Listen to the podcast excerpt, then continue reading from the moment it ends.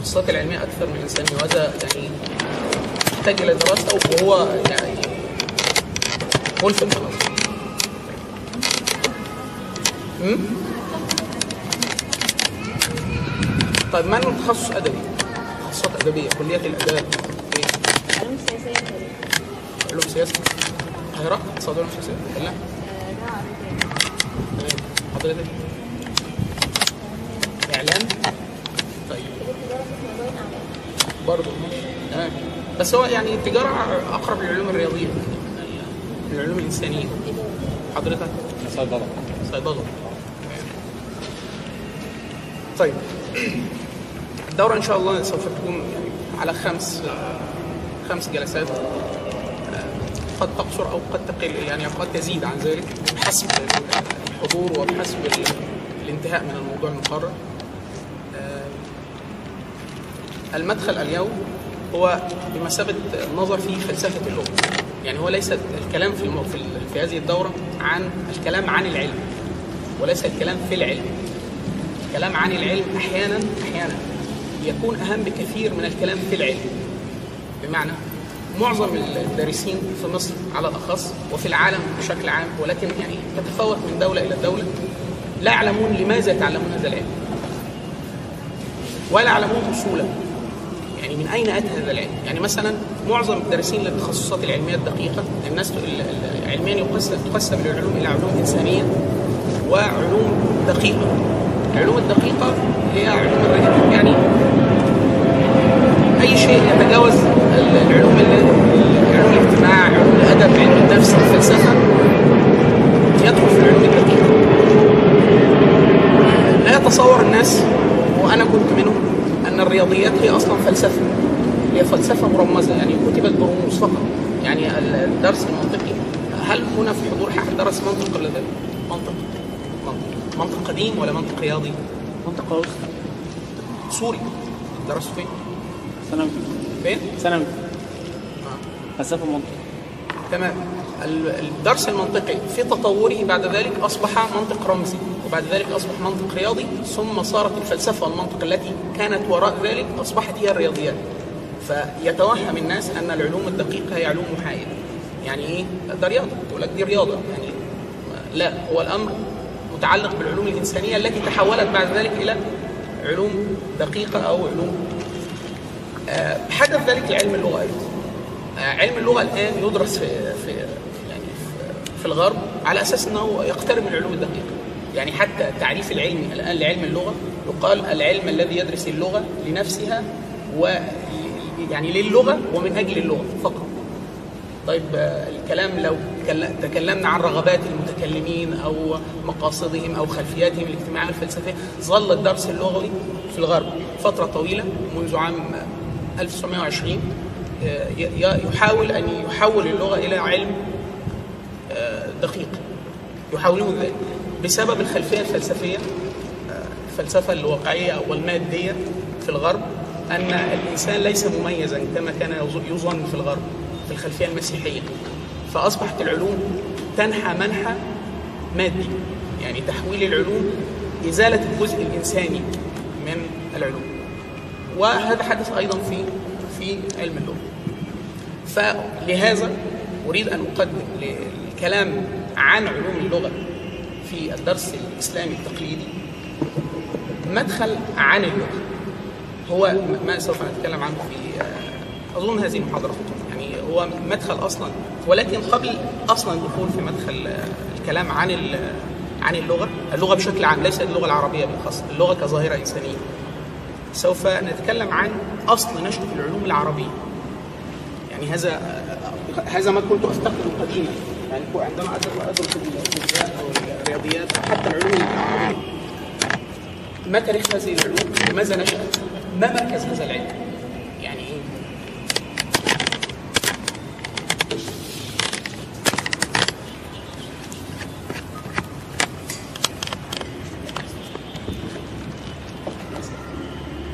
ال- العرب كانت هم على هامش الدنيا يعني ليس لها علوم أصلا لا تعرف إلا الشعر. لا يعرفون من العلم إلا الشعر. العلم بالكلام. كيف يخرجون ما في أذهانهم إلى إلى الناس عن طريق اللسان العربي؟ هذا هو العلم فقط ولا يكتبونه. قليل جدا من الأشعار ما كتبت. الأشعار كتبت في, في الإسلام. قديما كان الناس العرب يحفظونها فقط. حتى أتى الإسلام. فحدث تغير في الخريطه العلمية للانسانيه نعم. العلوم اللي كانت معروفة في غير العرب؟ آه. حضرتك بتقول ما كانش معروف تمام. غير الشعر. إيه إيه العلوم اللي كانت في, معروفة؟ في غير العرب؟ في غير العرب؟ كانت ال- ال- الامم الأمم ال- التي لها الصدارة في العلوم في هذا الوقت. قبل ذلك الامه اليونانية ال- الحضارة المصرية القديمة حضاره بلاد الرافدين العراق قديما. كانت حضارة قوية جدا خاصة يعني ورثت علوم الفلك والرياضيات لغيره الهند. كانت لها علوم وعلوم دقيقه خاصة في الفلك والرياضيات. الع- العرب المسلمين أخذوا معظم علوم الفلك بعد ذلك والطب والرياضيات من من الهنود. حتى الأرقام التي نكتبها يسمونها الناس الآن ال- الأرقام العربية هي هندية. والعرب كتبوا أيضا الأرقام الفرنجية والعرب العرب الأندلسيين أو المغاربة كتبوا بهذا وكتبوا المشارق كانت تكتب هذا تاثرا بالهند. والعرب المغاربة صدقوا لنفسهم هذا الرسم. ثم بعد ذلك يعني يعني اختفت الأمة العربية أو الإسلامية من مركز الدنيا من مركز العلوم يعني وأصبحت تستورد العلوم العلوم.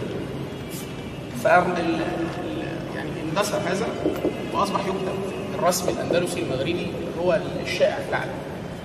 فماذا الذي حدث بشكل رئيسي في الأمة الاسلاميه الأمة العربية الإسلامية؟ الوحي. عند مجيء الوحي أصبح الوحي في مركز مركز العقل العربي الإسلامي. هذا هو هذا أكبر تغيير. العرب لم تكن تعرف. لما جاء الوحي بشقين القرآن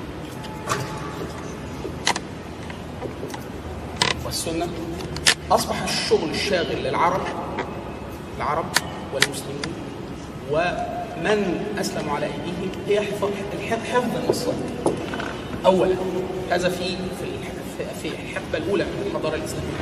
فكل العلوم نشأت رغبة في حفظ النصات كيف؟ أول علم ظهر عند العرب. تعلمون أن الكتابة العربية قبل يعني قبل قبل النقد يعني كلمة كتاب كانت تكتب كده أو كتب كده بدون بدون نقد. ما أول من أدخل النقد؟ النقد نقطين نقد إعجام ونقد إعراب. نقد الإعجام ما هو هذا النقد؟ نقد الإعراب ح- حد شاف لغة عرب اللغة عبرية؟ عبرية. العبرية هذا مثلا حرف الألف العبرية تكتب مثلا هذه كسرة مثلا ما زالوا يستخدمون نقد الإعراب الأول الذي استخدمه أبو الأسود الدولي في أبو الأسود الدولي سمع غير العرب الذين دخلوا إلى الإسلام يلحنون في ال- في ال- في اللغة العربية يعني لا ينطقونها على قانون العرب في الكلام فكان الشغل الشاغل. كيف يمكن لغير العربي أن يدرك أن هذا الكلام ضبطه كذا؟ يعني ك تا دا نحن الآن نستخدم هذا هذه الإشارات أو هذه الحركات. أدخلها الخليل النحو يعني هيك. قبل ذلك لم تكن معروفة. فأبو الأسود أمر من يستمع إليه بدقة ويكتب نقاط. نقطة فوق حرف. إذا فتح نقطة تحت الحرف إذا كسر نقطة بين يدي الحرف أو بجانبه إذا ضم. وهكذا. كلها تدور حول النقد فقط. فهذا من أول العلوم يعتبر التي يعني يعني استخدمها العرب لحفظ النص. هذا المدخل. بعد ذلك أرادوا أن يجردوا هذه القواعد. يعني متى يكون آخر الكلام مرفوع أو مفتوح أو مقطوع فبدأوا في ماذا؟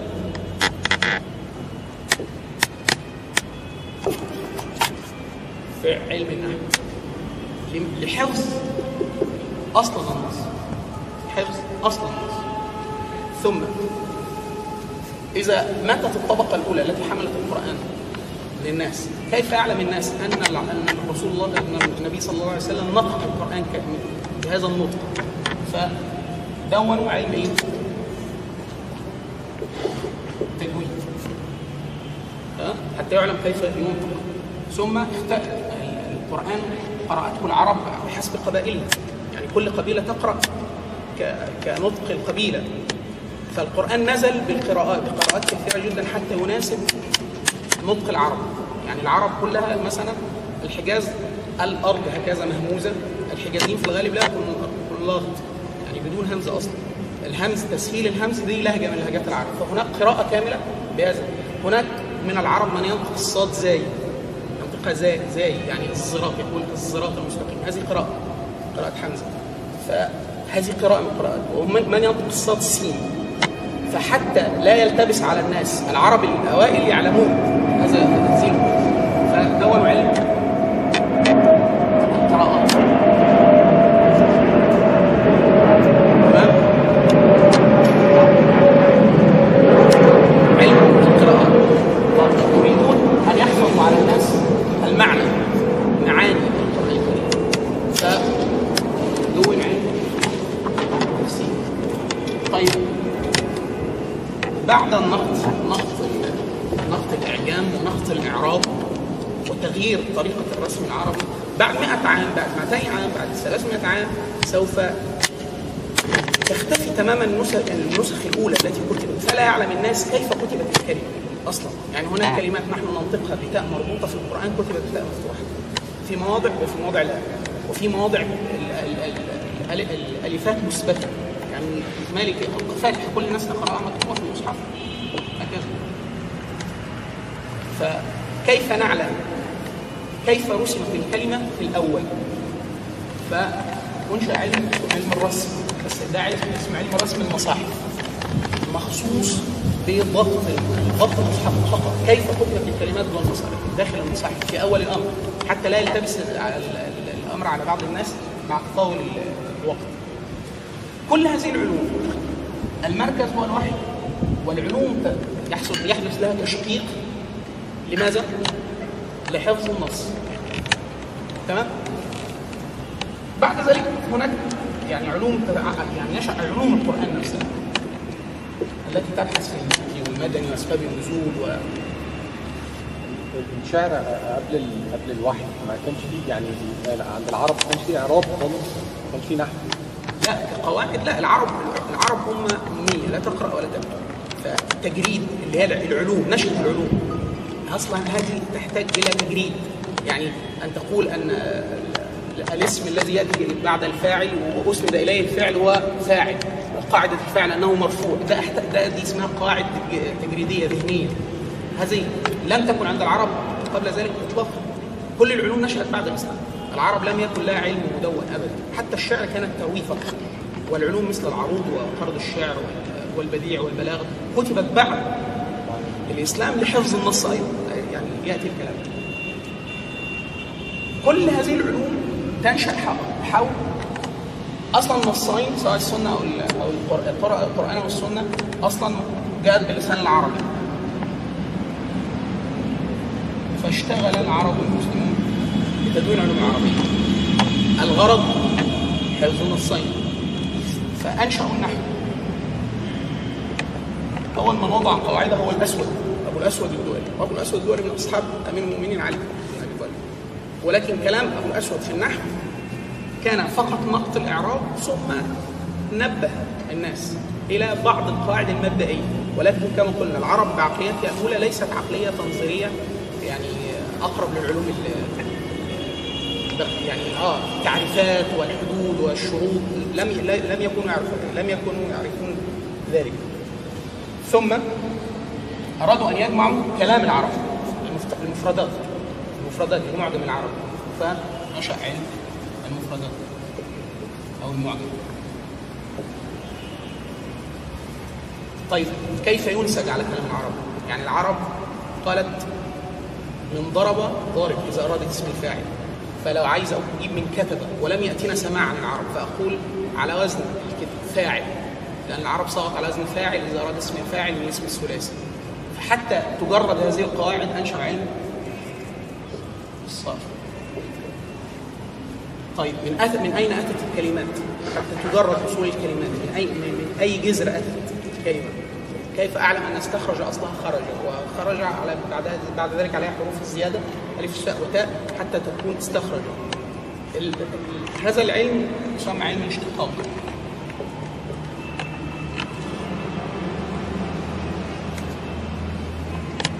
طيب علوم النحو والمعجم والصرف تسمى علوم صحة يعني فقط يراد بها صحة الكلام هناك علوم اسمها علوم الجمال لماذا كان القرآن معجزا؟ يعني كان القرآن معجزا لماذا؟ يعني ما الفرق بين القرآن والشعر مثلا؟ يعني لماذا الق- القرآن لا يكون القرآن شعرا؟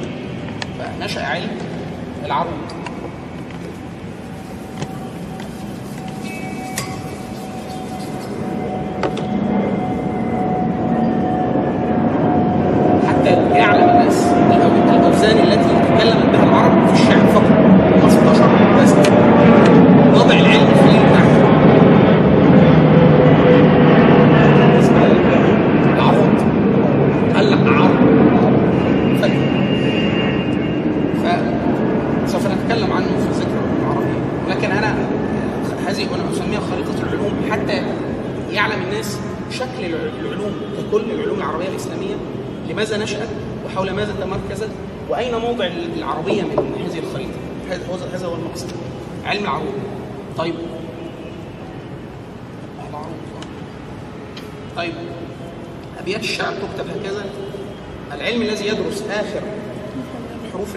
الأخيرة في في الشعر حرف الروية وكذا ده علم القافية. وبعد ذلك علم البلاغة. لماذا القرآن بليغ ولماذا أبلغ من كلام البشر؟ ولماذا عجز العرب الأول عن محاكاة القرآن؟ فأنشأ علوم البلاغة المعاني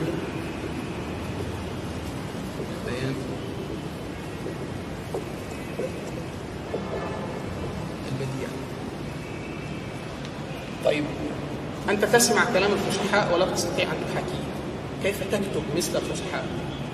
فأنشأوا علم اسمه علم الإنشاء. كيف تدخل الكلام الفصيح في المنثور يعني مش في الشعر. تأتي به وتدخله أثناء الكتابة حتى يظن من يقرأ لك أنك فصيح. فأنشأ علم الإنشاء. طيب. يريد رجل أن يتكلم ويحاكي الفصحاء في كلامه. فيريد أن يأخذ من الشعر والقرآن والحديث وكلام العرب الفصحاء فيضعه في كلامه الدارج يعني في المحاضرات وكذا فهذا اسمه منشأ علم اسمه المحاضرة.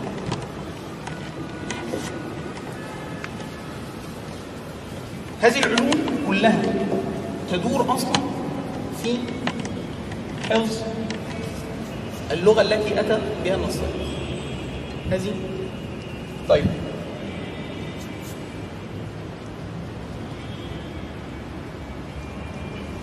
طبعا هذه التقسيم هذا التقسيم تقسيم يعني تقسيم تجريدي كيف؟ يعني المعجم ما علاقة المعجم بالقرآن الكريم؟ هناك من يريد أن يدرس فقط كلمات القرآن الكريم. كل الكلمات اللي استخدمها القرآن. فنشأ علم اسمه غريب القرآن.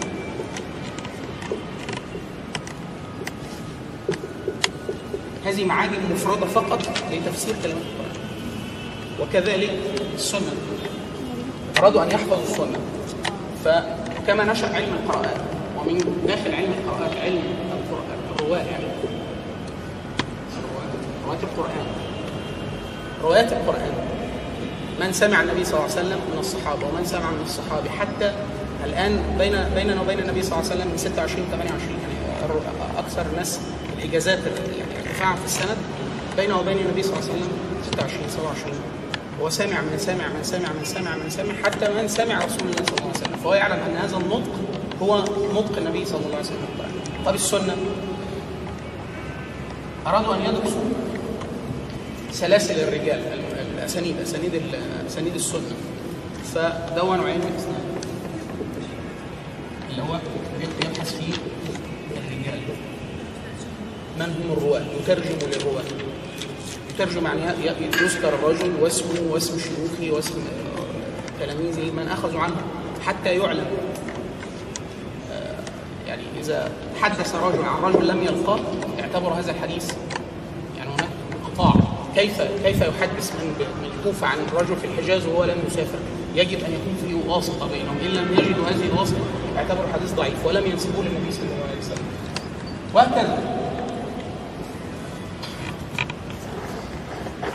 علوم السنة أيضا استخدمت علوم العربية. هناك معجمات مخصصة لألفاظ القرآن اسمها غريب الحديث. تذكر فقط ألفاظ ألفاظ الحديث النبوي فقط. ويذكرون معانيها ويستدلون عليها من كلام العرب في الشعر الجاهلي أو شعر الاحتجاج حتى شعر, شعر صدر الإسلام في أول الإسلام يحتج به طيب أرادوا بعد. هم خلاص رووا حديث النبي صلى الله عليه وسلم. يريدون أن يجمعوها فظهر علم الحديث الرواية. من يحفظ الكتب. موطأ مالك. صحيح البخاري صحيح مسلم. السنن سنن أبو داوود سنن الترمذي سنن ابن ماجه سنن. كل هذه مدونات الحديث أصبح نشأ علم كان اسمه علم طيب الحديث؟ أنه أن النبي صلى الله عليه وسلم قاله بالفعل أو لم يقله. فنشأ. تخريج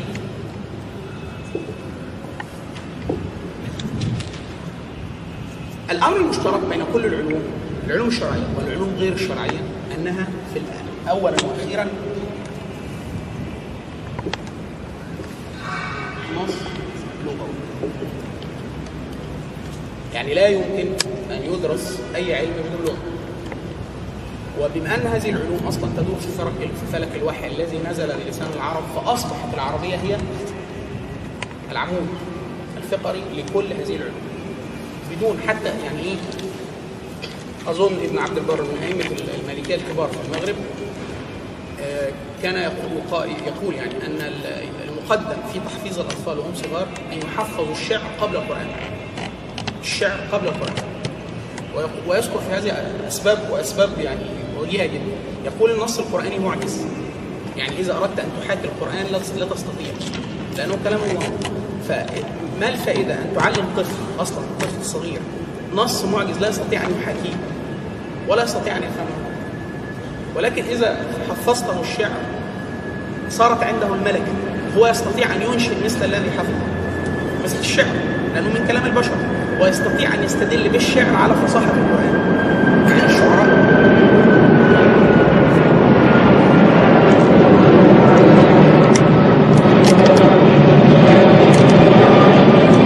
الشعراء في في الجاهليه سمعوا القران ولم يستطيعوا يعني شهدوا ان هذا القران هذا الاسلوب لا يحاكى ولا يجار وعلى على انه من كلام العرب يعني هو من نفس الحروف ومن نفس الكلمات ومن نفس المعجم ومن نفس الكلمات التي يستخدمونها في الشعر فهو يقول ان تعليم العربيه تعليم اللي منها الشعر والنثر الفصيح مقدم على للاطفال عن تعليم القران حتى يستطيع بعد ذلك ان يفهم القران كما فهمه العربي هو هذه يعني هذا هو ال- ليس تقليلا من قدر القرآن هو من الائمه الكبار. ولكن هو وهذا النظر وجيه في رأيي الشخصي أنا وجيه جدا. ال- الصحابة تعلموا الشعر والعربية قبل أن ينزل عليهم القرآن حتى يفهموا مراد الله عز وجل من من القرآن. طيب طبعا بعد ذلك يعني تبع تابع هذه العلوم بما ان أن الوحي نزل على محمد صلى الله عليه وسلم فنشأ علم السيرة. يتتبع سيرة النبي صلى الله عليه وسلم وأيام العرب الاوائل قبل الإسلام وعلم التاريخ بعد ذلك. يعني السيره السيره المحضه سيرة النبي صلى الله عليه وسلم. تراجم أخبار الناس يعني أيام العرب. علم الأنساب.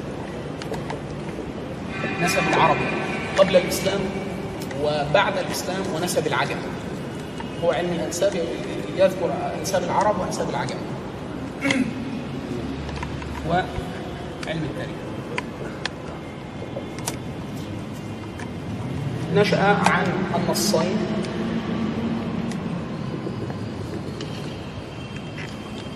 هو الغرض أصلا من كل هذا الأمر. فقط حفظ النصين. يعني أن يحفظ الناس الكتاب والسنة أم يفهموا الكتاب والسنة. المطلوب فهم الكتاب والسنة. لماذا يفهم الكتاب والسنة؟ لتنفيذ أمر الله عز وجل. إما أمر أو نهي الشريعة إما أمر أو نهي أو عفو. فحتى تفهم يعني تعلم ماذا أمرك الله عز وجل بما أمرك الله عز وجل وعما نهاك وعما عفو يعني عن- ماذا سكت الله عز وجل وعن ماذا عفى فيجب أن تفقه. يعني يعني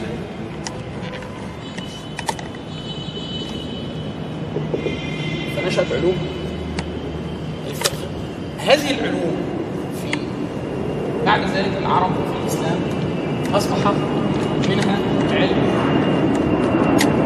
الفقه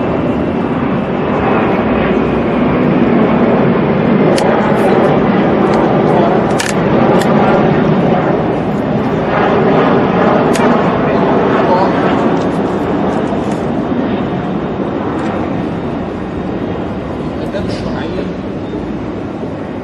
في قديما كان العلماء لا يعلمون الناس العلم قبل إلا بعد الأدب يعني يؤدب الرجل يقول أحد أصحاب الإمام مالك صحبت مالك عشرين عاما فعلمني الأدب في عش في ثمانية عشر عام وعلمني العلم في عامين يعني ما فائدة رجل معه علم بلا أدب؟ الآداب الشرعية آداب النفس. هذه كان مقدما على على علم الفقه أصلا. وبعد ذلك علم الفرائض. يعني كويس.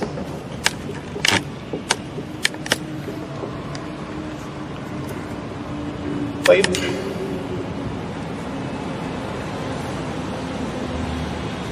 اصطدم العرب والمسلمون بأمم لها عقائد سابقة وديانات سابقة فأرادوا أن يقنعوهم بالقرآن والسنة بغير نصوص الكتاب والسنة. يعني رجل أصلا أنت تحتاج أن تقنعه يعني بمحتوى الكتاب. هو لا يؤمن أن القرآن رجل ملحد لا يؤمن بأن القرآن من عند فيحتاج إلى حجج عقلية بعيدة عن أي نص لأنه لا يؤمن بالنص ولا يؤمن بأن هناك من نزل النص أو من نزل عليه النص أصلا. فنشأت العلوم العقلية. منها علم الكلام. والدفاع عن الشريعة عن الكتاب والسنة بس بالحجج العقلية. يعني بعيدا عن نظام نصوص الكتاب والسنة أصلا. هو رجل لا يؤمن أصلا لا بالكتاب ولا بالسنة. فكيف القضايا العقلية؟ فنشأ علم الكلام أصلا. وبعد علم الجدل. كيف تناظر؟ وعلم أدب البحث. ثم علم المنطق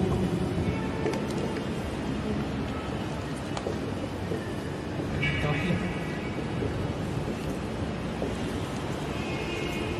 وما زال. الوحي في المركز. يعني كل هذه العلوم يعني تك- تكاد العلوم الإسلامية تكاد تقترب من 45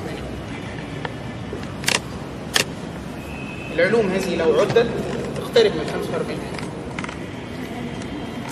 آه، كل هذه العلوم ب... هو علم التوحيد غير علم الكلام يعني هو مش علم التوحيد أصلا؟ طيب هو الكلام. علم الت- التوحيد في في المص- في المصطلح يعني هذه الخريطة الخريطة يعني إيه مش مش يعني قصدي تصنيف العلوم أصلا هو علم. علم تصنيف العلوم. هو حال- حاليا في الغرب بيدرك في تصنيف المكتبات. يعني كيف تصنف مكتبة؟ يعني هذا الكتاب تبع أي علم. فهذا السؤال في تصنيف العلوم. علم التوحيد الذي أنا أقصده يبحث في أركان الإيمان وصفات الباري عز وجل. علم الكلام أوسع من ذلك. يعني التوحيد قد يكون يعني كان السؤال علم القضاء. القضاء والفرائض من الفقه. لكن لسعته أصبح علم منفصل أحيانا عن الفقه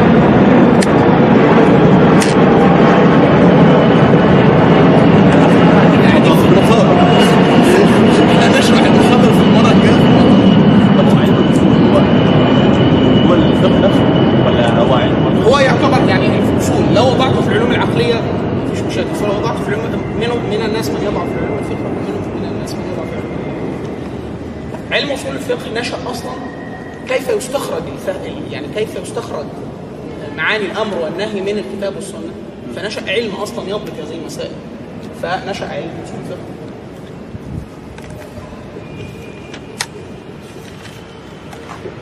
طيب ما فائدة هذه الخريطة اللطيفة؟ هذه الخريطة أولا يعني توضح أن العرب قبل الإسلام لم يكن هناك دافع حضاري حتى يعني يدخل مع الامم المتحضره بالمعنى العلمي يعني لا لم يعني كانت امه بدويه لما جاء الوحي اصبح لديهم مركز يدورون في فلك وانشئت كل هذه العلوم وغيرها يعني هناك هذه كل هذه العلوم تدخل فيه فقط في ماذا؟ في العلوم الشرعية. قسم كامل يعني الخريطة دي زي ما هي خلوها في الورق وهنضيف لها جزء.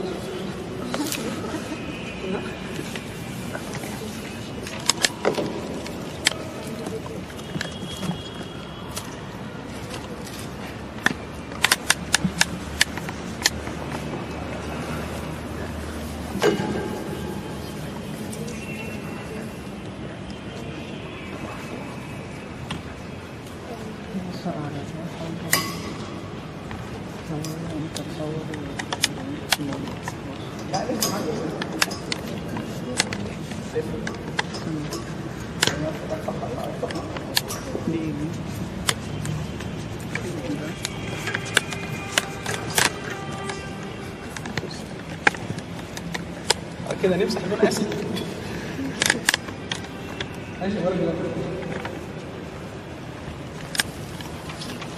مش معنى. إيه؟ ماركر بس مكان آه الماركر أصعب من الألوان الكبيرة.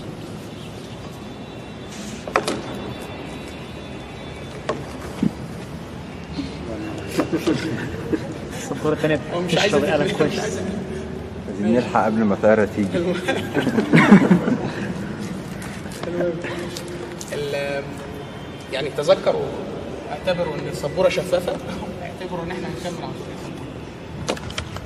طيب. لم يكن الدافع فقط لدراسة العلوم الشرعية للعلوم الشرعية. يعني إيه هناك عمارة في الأرض. فمثلا حتى المواريث علم الفرائض كله اصول ثلث سدس ثمن ربع. يريدون طريقة العرب. يعني في أوائل الحضارة العربية الرياضيات والحساب كانت درس كلامي. يعني لا يكتب بالرموز. الرموز دي مرحلة متقدمة. كان المسائل تقال هكذا كلامية يعني. فوضع علم الجبر علم الجبر والمقابلة هو أصله علم عربي. البيروني البيروني وضعه أصلا لضبط علم المواريث. يعني هو أصلا هناك علم الحساب.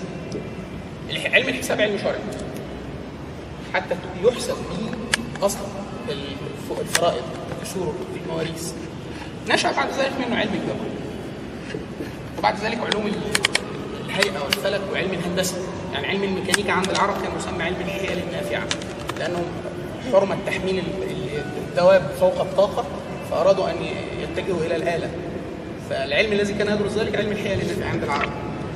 ف ابن خلدون وضع علم الاجتماع سماه علم العمران. كان يدرس في اسباب سقوط الحضارات وقيام الحضارات. كيف تقوم؟ يقوم الملك. كيف يسقط الملك؟ ما هي المقدمات لذلك؟ ما هي وهكذا؟ ما هي الظواهر التي يمكن علم العمران؟ بعد ذلك في الغرب أصبح علم الاجتماع. التصوف أصلا أو علم الأخلاق أو علم السلوك يدرس أصلا بعد ذلك في الغرب أصبح علم النفس. يدرس خلاجات النفس الاسلاميه إضافة إلى علوم الدنيا. يعني كل علوم الدنيا علم الزراعة علم البيطرة علم الهندسة علم الكيمياء علم الطب علم الصيدلة. طبعا علم الصيدلة والطب والزراعة المسلمون قطعوا فيه شوط مذهل. يعني المدونات حتى الآن في الزراعة لأنه علم استقرائي. يعني علم استقرائي يستطيع النباتات مثلا. تريد تريد أن تحصي عدد النبات في الأرض وتصف وترسم. فقطعوا شوط جيد جدا حتى حتى بالمقاييس الحالية يعني. يعني معظم درس الدرس الاوروبي العلمي مبني أصلا على ما تركه العرب المسلمين. ثم توقف هذا المنهج يعني كف العرب المسلمون عن تشقيق العلوم. يعني هو يؤرخ يؤرخ توقف الحركة العلمية الحقيقية بالقرن الخامس. يعني القرن الخامس الهجري توقفت حركة تشقيق العلوم حركة استنباط العلوم الجديده ظل الأمر قرابة 700 سنة بعد ذلك والعرب يعني؟ لا يوجد إنتاج جديد يعني حدث مشكلة في فهمهم للنصوص الكتاب والسنة التي دفعتهم قديما لل- للتعلم عندما حصل حدث تشويش في الفهم توقف المركز لم يصبح دافعا كالسابق حتى يعني حتى 200 عام من القرن الحديث قبل النهضة الأوروبية يعني كان العرب شبه توقف تماما عن إنتاج العلوم وصدروا كل العلوم التي أنتجوها إلى أوروبا فاستلمت التشويش في؟ إزاي؟ أو يعني طبيعته عاملة إزاي؟ في طبيعة الفهم فهم الكتاب والسنة فهم التعامل مع الكتاب والسنة يعني قبل في- أول الأمر كانوا كان المسلمون يرون أنفسهم أنهم رسل رسل الله عز وجل للناس. ابتعثنا الله. بعد ذلك مع تطور الوقت أصبح الدين فقط رسوم يعني إيه؟ يعني افتقد معنى الشهادة. يعني الامه الشاهده على باقي الأمم تعلمها وتهديها. هذا المعنى فقد فهو تشويش أصلا في فهم الكتاب والسنة. نتج عنه سلوك. أظن مالك بن نبي فيلسوف الجزائر يقول يعني هو الكتاب هو هو الكتاب هو هو الكتاب والسنة هم هم هما هما والبشر ما زالوا بشر ولهم عقول. فلماذا القرآن والسنة الذي حول هذه هذه الأمة من الأجلاف والبدو إلى سادة للعالم ومعلمين للعالم؟ وهو هو نفس الكتاب.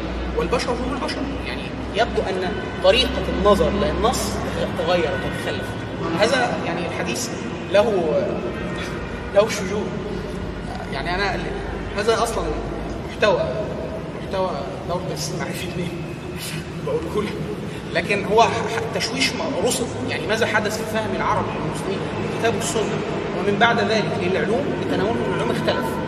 نذكر ذلك يعني أثناء الكلام اشارات لكن ما الهدف أصلا من ذكر هذه الخريطة؟ يعني قبل الدخول في اللغة العربية. حتى تخيل الناس أين العربية من باقي العلوم؟ يعني هي ليست يعني في واحد يقول لك آه أنا بحب الشعر. أنا أريد أن أدرس الشعر أو الأدب أو القصة. عشان كده عايز إيه؟ في آه، آه، الإعلاميين يتعلمون العربية لاقامه اللسان في الكتابة أو في الإعلام في التدقيق اللغة في التدقيق الصحفي في المجلات. لكن المعنى الذي أريده أن الع- اللغة العربية أصلا لها مكان من الوحي أصلا ولها مكان من خريطة العلوم الإسلامية بال- ككل وأن هذه كل كل هذه العلوم أصلا شبكة. شبكة. يعني العربية بتدرس أصلا ليست للعربية. وال و... وعلم ال... وعلوم ال... علوم الآلة. يعني هناك في العر... العلوم الشرعية بتق- العلوم الإسلامية تقسم إلى علوم مقاصد وعلوم وسائل. لماذا تدرس العربية هي وسيلة وسيلة من وسائل فهم الكتاب والسنة هذا أمر ده جزء يتعلق بماذا؟ بالخريطة في العلوم الشرعية. خريطة العلوم الشرعية التي مركزها الوحي. طيب علوم الهندسة جوه الخريطة دي؟ آه جوه الخريطة دي. يعني الهندسة التي داخل خريطة العلوم التي مركزها الوحي تختلف عن الهندسة في الغرب؟ الإجابة نعم.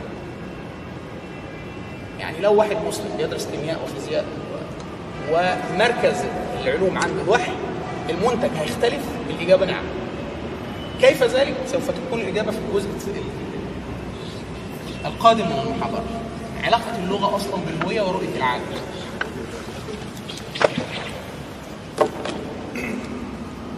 أول إحنا إحنا شغالين لنا قد إيه دلوقتي؟ عشان الوقت إحنا بدأنا الساعة كام؟ قلنا حوالي خمسة ونص ستة ستة كام؟ بدأنا ستة إلا عشرة. ستة العشرة بس عشان أبقى عارف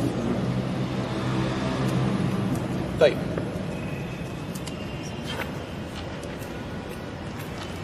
اولا الاجابه الإجابة على فكرة أن أن مركزية الوحي تؤثر على العلوم. هذه مستساغة؟ يعني حضرتك قلت لي كلية هل حضرتك توافقيني على حد مختلف؟ طيب خلينا في الموافقين الموافقين ما حضرتك مشكله؟ يعني لو أنا رجل عربي مسلم ومسلم ب- بجد يعني مش آه يعني مسلم مسلم وعربي وأدرس الهندسة بالعربية وأنتج بالعربية هل هيختلف عن رجل يدرس الهندسة بالألمانية مثلا؟ بالألمانية. وهو غير مسلم. أنت تتصور؟ أخونا كلية إيه؟ أنا شوف أنا قلت بس إحنا دايما بنقول الحضور للنساء أكثر وللمهندسين والكليات العملية. حضرتك هندسة إيه؟ اتصالات. طيب تمام. مش هتفرق. طيب مين اللي مش يعني من مع فكرة إنها لا يختلف الأمر؟ لا يختلف? طب لماذا لا يختلف؟ يعني أنا لو درست الهندسة بالعربي وأنا مسلم تختلف لو أنا درست الهندسة بالانجليزي وأنا مسلم. ما تفرق المفروض ما تختلفش. باشمهندس ما تختلفش. أنا مسلم وبدرس الهندسة باللغة العربية. في فرق لو درستها وأنا مسلم برضه باللغة الإنجليزية. تفرق؟ المفروض ما تفرقش. الفرق. لو أنا عربي درست اللغة العربية. طب أنا لو أنا عربي ومتقن للإنجليزية. يعني أنا as native كمتحدث آه، أصيل في اللغة الإنجليزية وبدرس إحنا إحنا معظم المهندسين اللي موجودين أو حضرتك بتدرسي بتدرسي باللغة إيه؟ الإنجليزية وانت عربية هل العلوم دي لو درستيها باللغة العربية تفرق؟ طيب تمام هو السؤال دلوقتي إن هي وأنا بدرسها باللغة كلغة ولا مركزها إيه؟ لو مركزها الوحي هو هتفرق. ده, ده سؤال وده سؤال. آه. يعني مركزية الوحي ده, تخ... ده, ده ينبني على اعتقاد الدارس. تمام. فهل الدارس المسلم يختلف عن الدارس غير المسلم؟ ده سؤال. الأول إحنا حضرتك كنت مع أي فريق؟ مع اللي قالوا لا مش هتفرق مش. هتفرق. عشان مركزية الوحي. آه. طب حد شايف إن هي مش هتفرق؟ الباشمهندس قال المفترض ما تفرقش لأن العلم محايد. مش صح؟ أنت عايز تقول كده؟ إن الرياضه رياضة. هي ممكن تفرق في في المخرج بتاع ال- ال- ال- العالم دوت في في ال- في اللي هو بيبحث فيه. فممكن مهندس بيبقى معماري بيبحث في إن هو يطور مثلا الإيوان ده شكل الإيوان هندسيا إن هو يكبره. تمام. بيفرق في كده؟ قصدك المنتج النهائي. آه ممكن. طيب أنا السؤال ده يعني السؤال ليه مقصد يعني إيه؟ يعني إثارة الذهن. أنا هاجي اديك إجابة يعني. طيب إيه موضوع اللغة لا أنا خلينا في اللغة.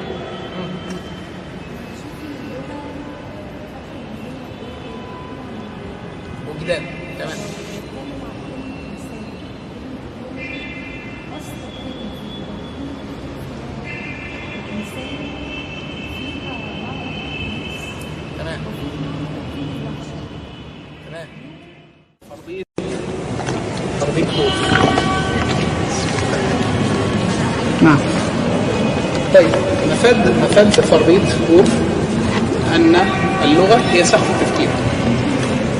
سقف التفكير. أقصى شيء ممكن رؤية العالم أصلا محددة بحدود اللغة. ده مين؟ ده بنيامين وولف. طبعا الكلام ده يعني دي فرضية أخرج الفرضية من النظرية. وولف ما قالش كده خلاص لا ده هو دلل على حاجات كتير جدا جدا من اللغة من اللغات الهندية اللي هو كان بيدرسها وكده.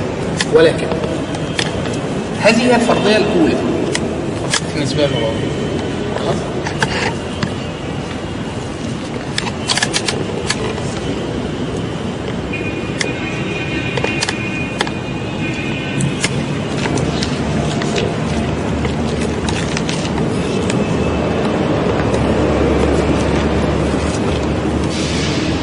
كل من اتى بعد الوقف إما تبنى منهم من تبنى الفرضية المتطرفة لدى وقف التطرف في إثبات دور اللغة في تحديد رؤية العالم والعقيدة والكون وكل ما ينبني عليه. ومنهم من هناك علم الانثروبولوجي علم الإنسان. علم الإنسان له عدة فروع. من فروع علم الانثروبولوجي انثروبولوجيا اللغة. البحث في تغيرات التغيرات التي تطرأ على اللغة عبر الزمان وعبر المكان وتأثر ذلك بالثقافة والمجتمعات البشرية. دي الأنثروبولوجيا اللغوية. كثير جدا من العلماء الذين أتوا بعد وتبنوا النظرية بشكل جزئي بدأوا يبحثوا يعني إيه؟ يضيفون أبحاث في تبني الصيغة المعتدلة لفرضية بدل ما أن اللغة هي المحدد الوحيد والرئيس لرؤية الكون وتكوين المفاهيم وكذا؟ لا. قالوا هي المكون الأكبر أو الأكثر تأثيرا وليس الوحيد وليس الوحيد. حتى يدل على على الفكرة المعتدلة هذه قاموا بعدة أبحاث في نفس المجال على دراسة قطاع كبير جدا من من اللغات واللهجات وأثر الثقافة ثقافة المجتمع على اللغة وأثر اللغة على الثقافة. فالنظرة الجديدة وضعت هنا. الم- المجتمع. المجتمع زائد الثقافة. وضعت هنا. وجعلت هناك تأثير متبادل بين الثقافة وال- وال- والبنية الاجتماعية وبين اللغة بمعنى لا يمكن أن يتصور أن الرجل العربي الذي كان يقول إذا سألته على الأمور وأراد أن يخبرك بأن الأمور جيدة فيقول الأمور على ما يرام. مش ممكن يكون هو المصري العامي الآن اللي يقول لك قشطة أو ماشي. أكيد هذا يعني تصور هذا خلينا تصور هذا بالكلية وسائل التعبير لدى هذا مختلفة عن هذا. ولكن الذي حدث هنا ده الرصد التعديل في أن ما يحدث في البنية الاجتماعية والثقافية هو أصلا قد يغير في اللغة وعند تطور أو تحديث أو تحسين أو تغير البنية اللغوية أو طريقة استخدام اللغة قد يؤثر على السلوكيات.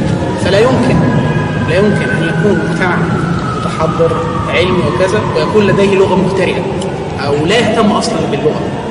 والعكس بالعكس بمعنى هناك من أكثر من تناولوا فرضية ووف بالنقد والتبني يعني هو تبناها ونقدها. برينشتاين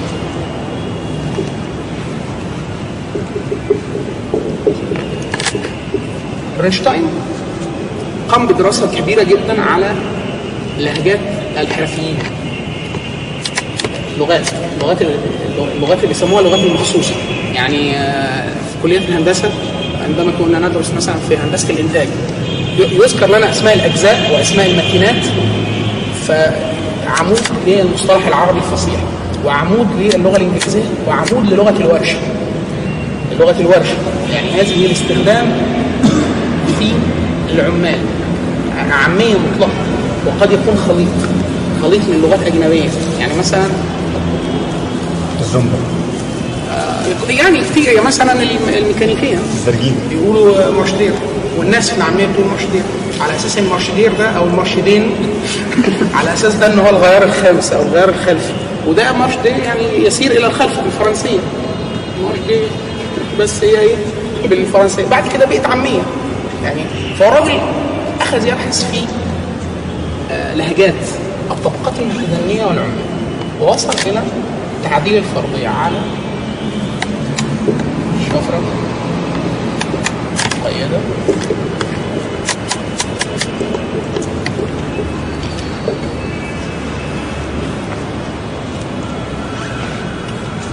وصل إلى هذه التقسيمة تقسيمة الشفرة المقيدة والشفرة الموسعة. وجد الجزء المؤيد لفرضية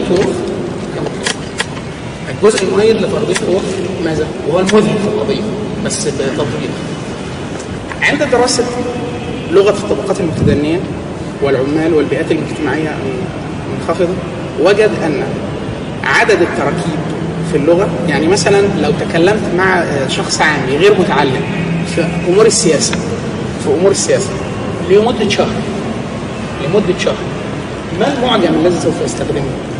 الكلمات لو عددت الكلمات تجد المعجم محدود يعني هو يريد أن يعبر عن كل المشاعر والأحاسيس ورؤاه ونقده للحكومة والمواقف السياسية المختلفة بعدد ثابت من الكلمات لا يزيد. غير مثلا الأديب. يعني الأديب لديه معجم أحيانا الأدباء. ممكن يصل معجم للأديب 22000 كلمة. يستطيع أن ينتقل لديه كمية كبيرة من المعاني.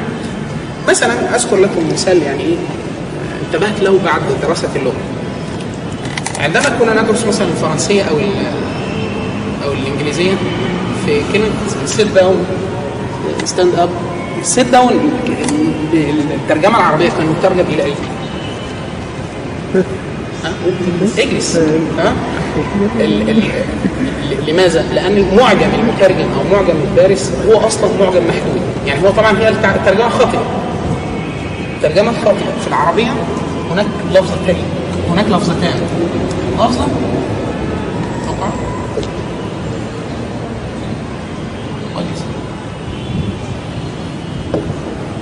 هذه غير هذه. sit down يعني أقعد.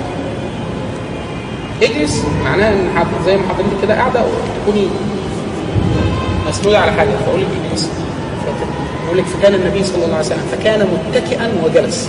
لما في حديث شهادة الزور ألا وشهاده الزور ألا وشهاده الزور؟ قال فكان متكئا فجلس. متكئ يعني هو قاعد أصلا قاعد على الأرض باللغة العامية. يعني فغير من من الهيئه من الميل إلى ال- الاستقامة. فكان متكئا فجلس ده المعنى بتاع إيه؟ اجلس ما ينفعش واحد واقف زي أنا كده وتقول له إجلس. إجلس إيه يعني إزاي؟ اعملها إزاي دي بقى؟ يعني لكن أقعد هو ده المعنى. هو ده المعنى. أنا انتبهت بعد ذلك لأن مترجم الكتاب نفسه هو أصلا اللغة العربية عنده ضعيفه وهو اللغة الإنجليزية بس كويسة. يعني هو احد أنا مسميه نصف لغة.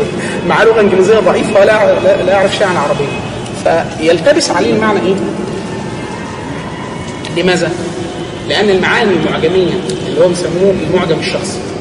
المعجم الش- الشخصي أصلا ضعيف عدد الكلمات برنشتاين وهو يدرس في في في اللهجات واللغات ال- وجد الاتي أن عدد ال- الكلمات قليل. والكلمة في الغالب تدل على معنى واحد. يعني إيه؟ يعني مثلا كل كلمة اقرأ هذه هذه تكثيف الدلاله هذا معاني كثيرة للكلمة الواحدة غير موجود كل ما المستوى الذهني يقل ولا المستوى التعليمي يقل هي الكلمة كلمة تستخدم يعني إيه؟ ودائما الكلمات على الحقيقة. يعني مفيش مجاز. اللي هو الأسلوب الأدبي مش موجود. ودائما يتعامل مع المحسوسات. يعني التقييم محسوس. يعني لماذا عندما يتم تجهيل الشعور؟ تجهيل الشعور.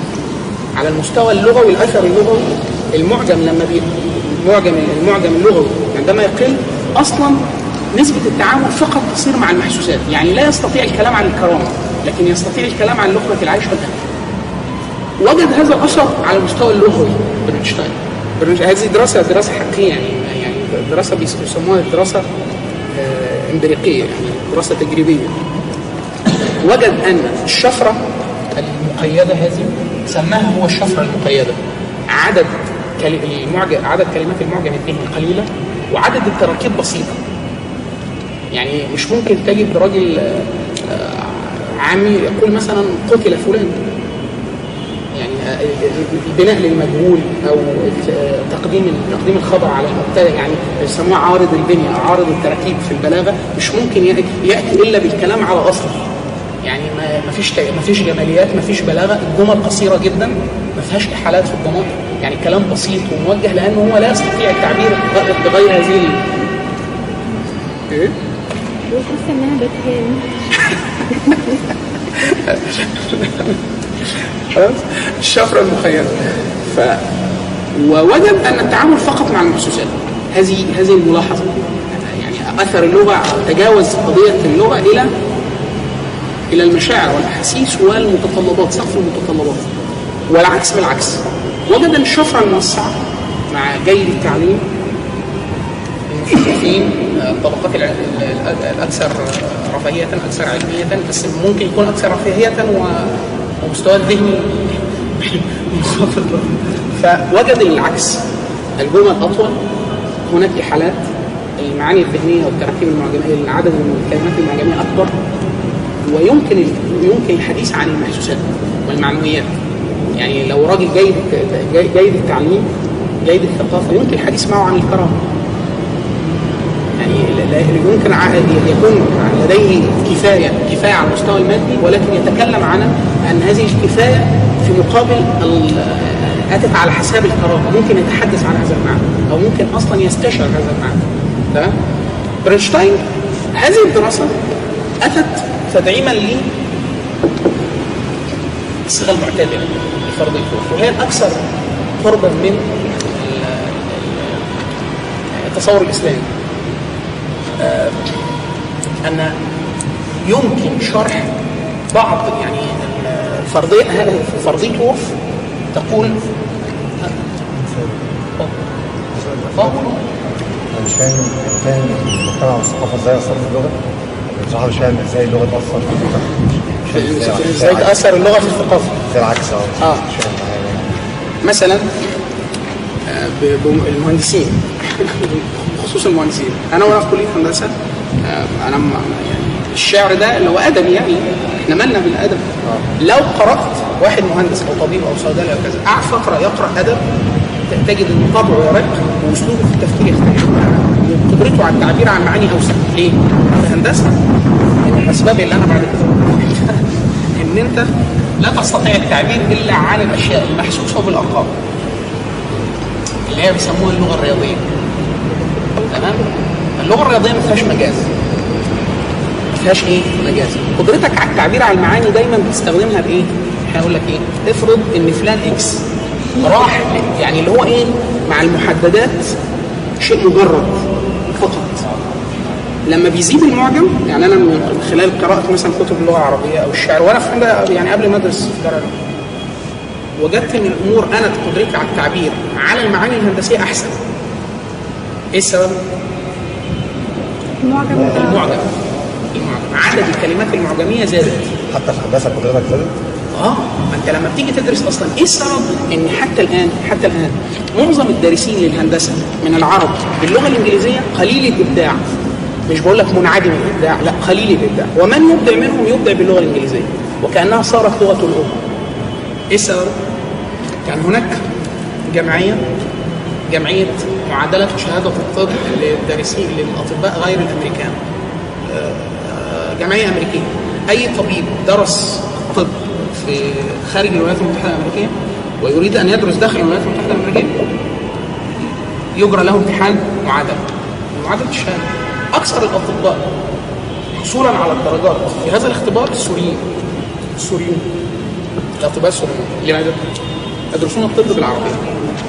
هو أصلا يفهم المعاني بالعربيه ما الفارق بين العربية والإنجليزية؟ هو السؤال اللي إحنا سألناه قبل نبدأ في الوقت. ما الفارق؟ الفارق أن دراسة الطب بال بال بال من كلية الطب؟ الطب؟ صيدلة كل المصطلحات أنا درست كيمياء في هندسة معظم المصطلحات الكيميائية والصي- والصيدلة والبيطرة والطب أصلا مصطلحات ليست إنجليزية أصلا هي أصلا لاتينية فعلى مستوى الجذر اللغوي ليس لها معنى. يعني هي إيه؟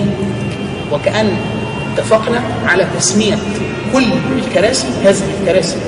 كل كرسي له اسم واسم ليس له دلالة. يعني ده تي وده آه، أي حاجة. يعني رمز يسموه رمز اعتباطي. فكيف يمكن الربط بين هذه المعاني؟ لا هو المطلوب فقط استحضار وحفظ كل المسميات ما الرابط؟ لا يوجد رابط. أما العربية فلا يوجد أصلا كلام غير مرتبط بسبب الاشتقاق. ان لا يمكن تكون هناك كلمة ليس لها جذر. يعني لا يمكن لا يمكن وجود كلمة ليس لها جذر في العربية. أي كلمة. يعني مثلا أريد أن أتكلم عن آه مثلا يعني مثال مشهور. كان كانش في السياق يعني. بسبب يعني المسار السياسي اللي إحنا بنمشي كلمة الدولة.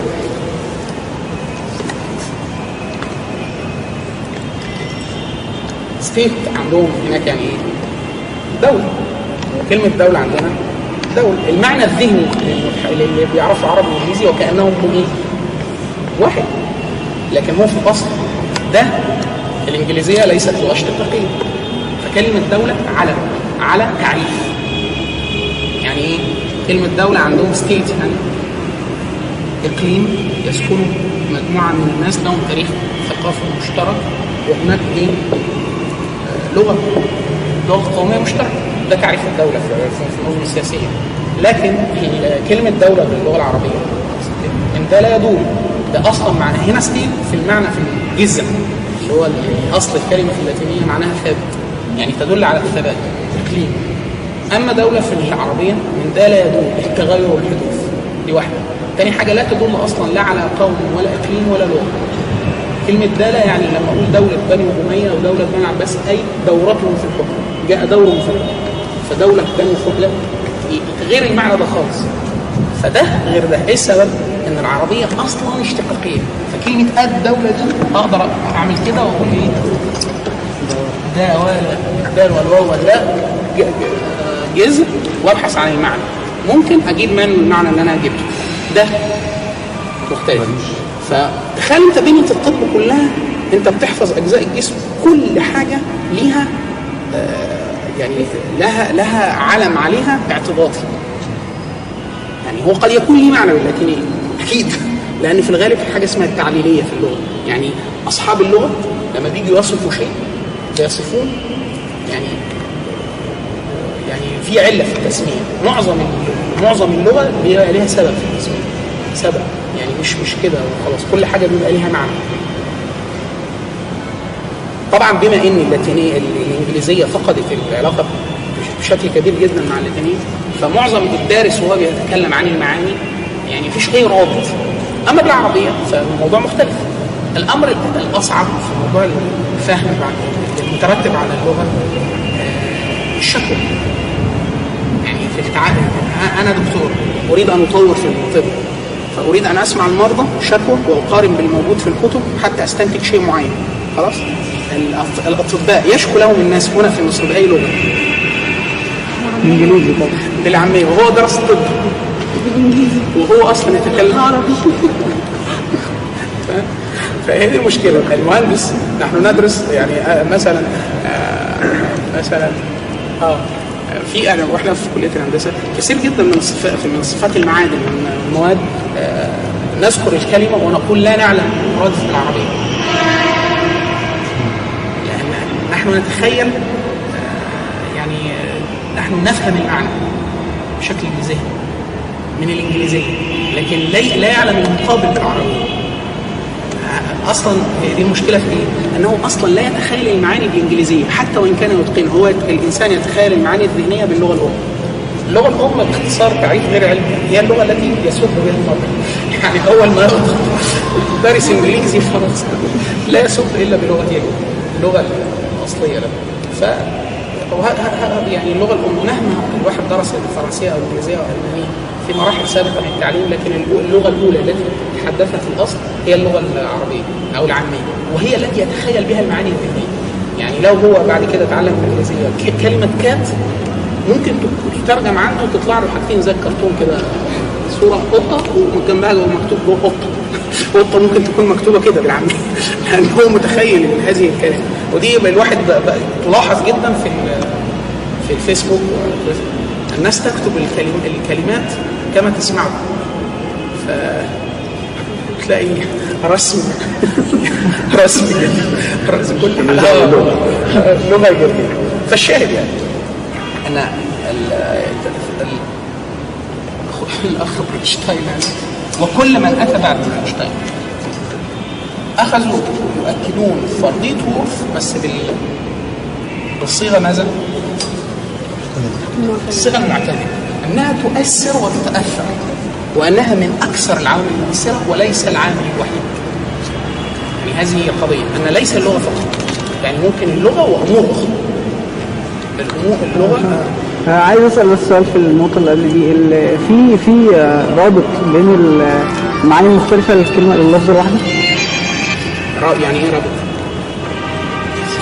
يعني حضرتك كنت بتتكلم في اقرأ ليها كذا معنى آه هل المعاني دي بينها رابط؟ آه، لا مش م... أصل ما دام معاني يعني مع- معاني مختلفة ما يكونش يعني لا مش لازم. لا السؤال اللي, اللي بينهم رابط حاجة تانية. دي دي نظرية بس مش مش مقطوع بيها عند علماء العربية. وان كنت أنا شخصيا بميل يعني أظن له يعني أنا ليا ليا نيه إن أنا أعمل بحث زي تثبيت الفرضيه يعني. فاكر المثلث بتاع الخليل نظريه الاشتقاق الكبير من أكثر الناس الذين تبنوا هذه النظرية ابن جني من علماء اللغة العرب يقول أن كل المعاني لكل التقاليد يعني بحر وحرب ورحب وبرح ورحب وحبر لابد أن تحمل كلها تدور حول معنى محوري كلها وكأن هذا معنى المعنى الأول ومعنى ثاني. ومعنى ثالث ومعنى رابع. ولكن فيه هنا قدر من من الارتباط كل كل هذه المعاني تتمحور حول هذا وأثبت ذلك في كثير جدا من الجذور. شذت بعض الجذور. أنا أظن هذه هي اللي تحتاج إلى الدراسة. يعني يقول مثلا بحر أو ربح ال- الجذر باء والحاء في كل تقليداته لابد أن يحمل معنى السعة. لابد. يعني بحر مساحة كبيرة واسعة من الماء. حبر عالم واسع العلم. رحب يعني مكان لابد قطعا أن يحمل معنى الاتساع. في ماذا؟ في الاتساع في معنى ما. معنى العلم معنى ال- السعه معنى كثره الماء فهنا هناك معنى مركزي هذا تسمى نظرية الاشتقاق الكبير. اشتقاق الك- الكبير أو الأكبر. تبناها ابن جني واحمد فارس الشدياق من المعاصرين وكذا. أنا شخصيا بتبناها. ولكن هي تحتاج إلى تدعيم مثل دراسة برنشتاين دراسة يعني دراسه حقيقية تاريخيه على على ناس. يعني عدد كبير من الناس وعدد كبير من الجذور وبحث معجمي متسع في القرآن والسنة وكلام العرب وقراءات وقراءات الشعر المختلفه وقراءات القرآن حتى يثبت نسبة الاضطراب. لأن هناك جذور كثير جدا تجد فيها هذا المعنى. ده هناك من يغلو في ذلك. يقول أن كل الجذور التي فيها مع فيها حرف الحاء والباء لابد أن تحمل معنى معين. بدون حتى الحرف الثالث م- م- أك- أكثر منهم غلوا أصحاب النظرية الرمزية الصوتية. يقولون إن لكل حرف في العربية له معنى ولا بد الكلمة تحمل جزء منه متعلق بطريقة الحاء فقط. ممن أكد أو عمل بشكل يعني بحث دقيق على هذا الأمر أستاذ آه، محمد حسن جبل. محمد حسن جبل له معجم. اسمه اسمه المعجم الاشتقاقي لألفاظ القرآن الكريم. أخذ كل ألفاظ القرآن الكريم وأثبت المعاني التي هو يريد أن يثبتها لكل حرف. يقول معنى الخاء كذا معنى الحاء كذا معنى الراء كذا معنى الباء كذا.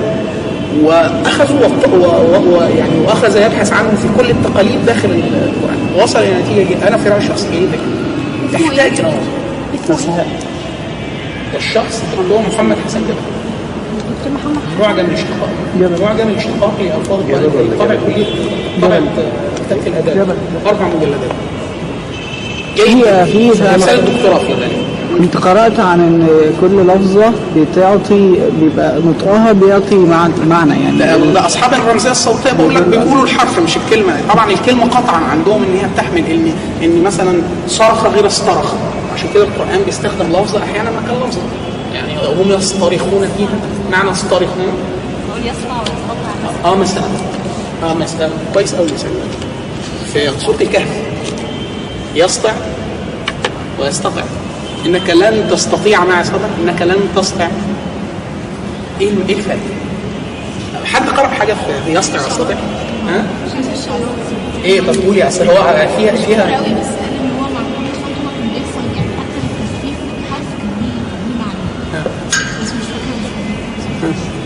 قريت ان يسطع فيها نوع من أنواع العجالة. هو آه التخفيف التخفيف لوصف حركة الفعل. مستعجل هو يعرف تمام. هو آه، منهم من يقول أن دايما يقول الزياده في المبنى في المبنى تفيد زيادة في المعنى. زيادة المبنى في مبنى الكلمة تضيف معنى. تمام؟ فتستطيع لابد أن تحمل معنى زائد عن يستطيع. تمام؟ ده في, في الأصل.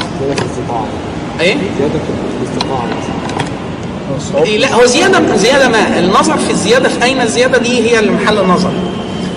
منهم من يقول أن التخفيف فقط. ل... ل... لوصف الحركة فعلا. يعني مثلا في عندما تكلم القرآن عن آه، فما استطاعوا فما استطاعوا أن يظهروه وما استطاعوا له طلبا فما استطاعوا أن يظهروه يعني ما قدروش يتسلقوه وما استطاعوا له يعني ما قدروش من التفسيرات الجيدة طبعا في ناس بتقول عشان التخفيف يعني التخفيف في ال- في النطق بس التخفيف يبقى لو هيخفف هنا يبقى يخفف هنا يبقى يقول يصلح على طول. وفي ناس الدكتور السامرائي هو اللي بيستخدم المعنى البلاغي ده. بيقول إن في المعنى ده والمعنى المعنى اللي بعد كده سيدنا الخضر وهو بيكلم سيدنا موسى في أول القصة قال له انك لن تستطيع الأول. بعد كده هو بيخلص الكلام ماشي خلاص. ال- ال- ده برضه ده معنى بلاغي لا أنا بتكلم عن المعنى اللغوي دكتور أستاذنا محمد دكتور حسن طبل أستاذ البلاغة في كلية دار العلوم يقول وده معنى راجع للغة للمعجم نفسه. يقول إيه؟ إن تستطيع معناها لا تستطيع معناها أنك لا تقدر على العمل مع المحاولة. يعني أنا أقول لك لن لا تستطيع أن تنقض هذا الجدار. يعني لا تستطيع أن تثقبه ولو حاولت. فأنا أقول إيه؟ لو أنا عارف إن أنا يعني هجرب جربت وما ما قدرش أقول إيه؟ لا أستطيع. لا أستطيع. تمام؟ أما يستطيع معناها أنه لا, لا لم يقدر واصلا لم يتصور أنه يقدر. يعني هو خارج عن قدرته أصلا. فهو أصلا الموضوع أكبر من قدرته فلن يحاول. ففي وصف الجدار الذي بناه ذو القرنين هو أملس وكبير طويل جدا. فمن الرؤية يعني لو قلت لك تسلق هذا الجدار فأنت أصلا لن يجول بخاطرك أن تتسلق أصلا جدار أملس وهذا الطول. فتقول إيه؟ ف- فما استطاعوا أن يظهروه يعني هو أصلا خارج القدرة ولم يح- يحاولوا حتى في هذا. فما استطاعوا أن يظهروه وما استطاعوا له نقبة. يعني هو حاولوا يثقب الجدار ولم يستطيعوا وفي معنى سيدنا الخضر لما كان الأول لم يعلم سيدنا موسى بأن الأمر خارج قدرته أصلا على الفهم أو التوقع يعني هو فعلا الأمر خارج عن التوقع ما هيتوقع إيه؟ فكان يستخدم الجذر إيه؟ لا تستطيع لأن هو سيدنا موسى بيعمل إيه؟ بيحاول ويظن أنه يستطيع إدراك الحكمة. لما وضح له الحكمة فظهر أن المعنى لم يكن يستطاع أصلا أن يتمكن أن يصل له بالعقل فقال له تصدق. استخدم الجذر الثاني لأنه خلاص بقى سيدنا موسى إن هو أصلا ده خارج. فالمعاني المعجمية هي دي خطورة المعاني المعجمية في القرآن في فهم القرآن وفي فهم السنة. لأن في, معاني تحريم مثلا اللحم في القرآن. المعنى المعجمي يوضح إن كلمة اللحم تشمل الشحم وأن كلمة الشحم لوحدها الشحم لوحدها- لا تحمل إلا الشحم فقط. فلو حرم الله عز وجل على الناس اللحم لو لو ذكر تحريم لحم معين يبقى حرم عليهم اللحم والشحم يعني الدهن فلو حرم لحم الخنزير يبقى يبقى ما المحرم؟ لحم الخنزير وشحم الخنزير. ففي بعض الناس في من باب الاتجار يريدون أن يتاجروا في دهون الخنزير. فقالوا أن الآية لم تشمل إلا اللحم. من أين أتى التحريم؟ من المعجم. المعجم العرب لا تقول اللحم إلا وتقصد اللحم والشحم. وإن وإلا أما إذا ذكر الشحم فقط فالميتة والميتة ما الفرق؟ هناك فارق ليست الكلمتين مترادفتين يعني حر تحريم الميتة أم الميتة. طب ما كل مذبوح ميت يبقى إذا حرم كل ما كل ما يذبح الميتة هي أصلا ميتة يعني هو تحريم الميتة اللي هو لم لم لم يذبحها هي وجدها ميتة. هي هذه هي الميتة التي حرمت على الناس. أما الميتة فكيف تحرم الميتة؟ الميتة هذه سواء بعد أن تذبح ستصير ميتة. ميتة مش ميتة. فهذه المعاني العربية دقيقة جدا في التفريق بين بين المعاني المعجمية. طيب. حتى أنا يعني يعني أنتهي مما أردت في المدخل أنا أنا في رايي الشخصي دايما الكلام عن العلم أو فلسفه القضية هي أهم الجزئيات سوف تأتي إن شاء الله وبشكل واضح. يعني لكن آه، للتدليل على هذه القضية فقضية اللغة العربية هناك مستشرق ألماني اسمه فيشر.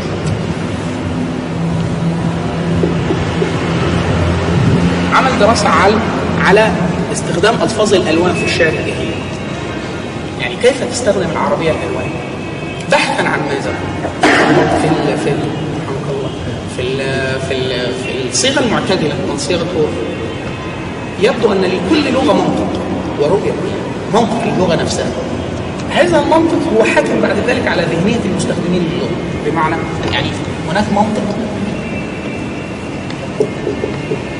العربيه كيف كيف هناك منطق اللغة العربية؟ اللغة العربية مثلا مستخدم العربية يستطيع أن يفرق بين البياض وكل شيء. يعني يريد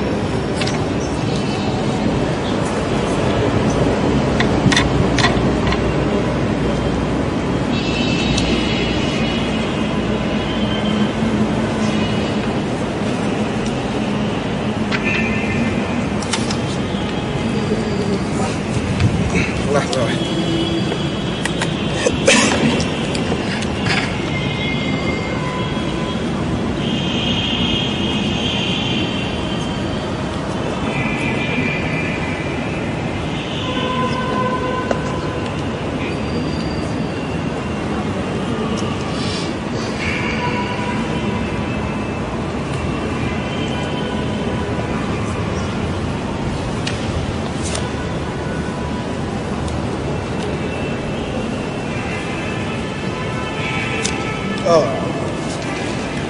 عذرا آه، مثلا ال- ال- الأبيض مثلا في العربية ليس كل الأبيض درجة واحدة.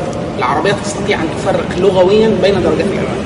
يعني مش مش اللي هو الاستخدام المعاصر أبيض فاتح أبيض غامق أبيض آه، أبيض كاكاوي. اللي هو ده. أصل ده على فكرة ده يعني ضد ضد قانون الاقتصاد اللغوي. المفروض اللغة من إمكانياتها عشان تبقى اللغة نفسها اللي هو قانون القدرة اللغوية على التعبير لازم تكون مكثفة من غير إضافات. ما أنت ممكن تقول أبيض فاتح بس ما فيش كلمة لوحدها لفظة وحيدة. تفيد المعنى المركب؟ ده يخلي اللغة أقوى. ها؟ فالعرب تقول يعني لتدلل على درجات الأبيض. عايزة تقول يعني تصف من الأبيض وأشد بياض. وإحنا التصاعد تقول إيه؟ أبيض. وتقول يقظ وتقول لهق وتقول واضح. يعني تقول الأمر واضح يعني الابيض شديد البياض درجة زايدة من البياض واضح. ثم ناصع. ثم هجان ثم خالص. عشان كده يقولوا اللبن الخالص إيه اللبن الخالص يعني ده ش- اللبن شديد البياض دي درجات البياض تمام؟ ده ترتيبهم إيه؟ ده ترتيبهم من الاكثر بياضا آه من للخالص الأبيض العادي اللي وانت وأنت طالعة الخالص أكتر حاجة لونها أبيض. آه. تمام؟ طيب. واحد طب إيه الدرجات دي إيه؟ حتى في وصف الأشياء مش كل شيء ابيض زي يعني مثلا عايز يريد أن يصف بشره امرأة بالبياض وعايز يريد أن يصف بياض ثلج بالبياض. لا دي غير دي. يعني فيقول يقول رجل عايز يقول رجل أبيض يقول إيه؟ رجل أزهر وامرأة رعبوبة وشعر أشمر وفرس اشهب وبعير أعيس وثور لهب وبق- وبقرة لياح وحمار أقمر. وكبش املح وظبي آدم. وثوب أبيض. وفضة يقع إحنا اجانب لا لا أنا هقول لك إيه ال- المشكلة في ال- إيه اللي حصل. ده كل ده أبيض. لا إيه لا مش الأبيض. لا. من يوصف بالبياض؟ أو ماذا يوصف بالبياض؟ يعني عايز يوصف آه، امرأة هل يوصفها زي ما بيوصف فرس؟ أو يوصف بالجدار؟ أو يوصف ثلج لا. ولا حتى رجل نفسه. يقول- إيه؟ رجل عايز يقول رجل أبيض. فيقول رجل إيه؟ أزهر. تمام؟ آه مثلا. يعني برضه في في التفصيلات. الفرس. دي أنا هقول يعني هقول أنا ليه بقول ده دلوقتي؟ آه عايز يقول الفرس. طب الفرس مكان البياض فين؟ مكان البياض فين؟ فعايز يقول إيه؟ آه، يك- يكون الفرس ادرع إذا كان أبيض الرأس والعنق. ده ادرع أسقع إذا كان أبيض أعلى الرأس أقفف من المفروض يكون البياض فين؟ في القفا إذا ما هو العربية ليها فئة شوف يعني إذا كان أبيض القفا يبقى إيه؟ أقفف طيب تمييز الوصف اللوني حسب قربه من وصف لوني آخر عايز يقول إيه؟ حاجة مرتبطة بحاجة يعني أ- أ- أ- أبيض بس فيه شوية حمرة أسود فيه شوية آه، حمرة يقول إيه؟ فما يقولش آه، أسود محمر. يقول إيه؟ آه، الصهبه آه، حمرة تضرب إلى بياض. يعني الأحمر لما يبقى مايل لبياض يقول إيه؟ اصفر زي صهيب كلمة صهيب تيجي منه. والكهبة صفرة تضرب إلى حمرة. والقهبة سواد يضرب إلى حمرة. يعني هو عايز يختصر.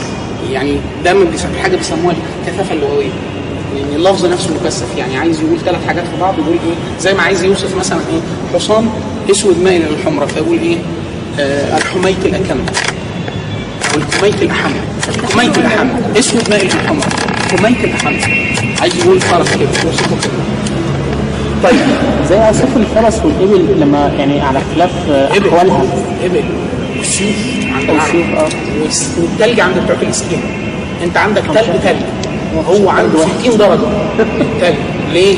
هو أصلا هي دي بقى ما عندوش غير الجانب الجيد في, في, في, في النسخة المعدلة من فرد تورف إن الثقافة نفسها بتأثر على الكتاب الثقافة. يعني واحد يقول لك إيه؟ إحنا عندنا ال- الإبل 60 اسم من المتعلقات ليه الاهتمام ده؟ عشان إحنا عندنا إبل. طب فين أوصاف الأفيال؟ مش موجود. لا يوجد وصف الأفيال بهذه الدقة لأن العرب لم لا يعني الفيل ليس في البيئة العربية الأولى على الأقل. فمش موجود. تمام؟ بس اللغة العربيه عندها قدرة ال- هي دي القدرة بقى. كل لغة عندها قدرة إن هي كل لغة عندها قدرة على الزيادة والتوسع. لكن هي الفكرة التوسع في ان إيه زي نظام الموبايلات.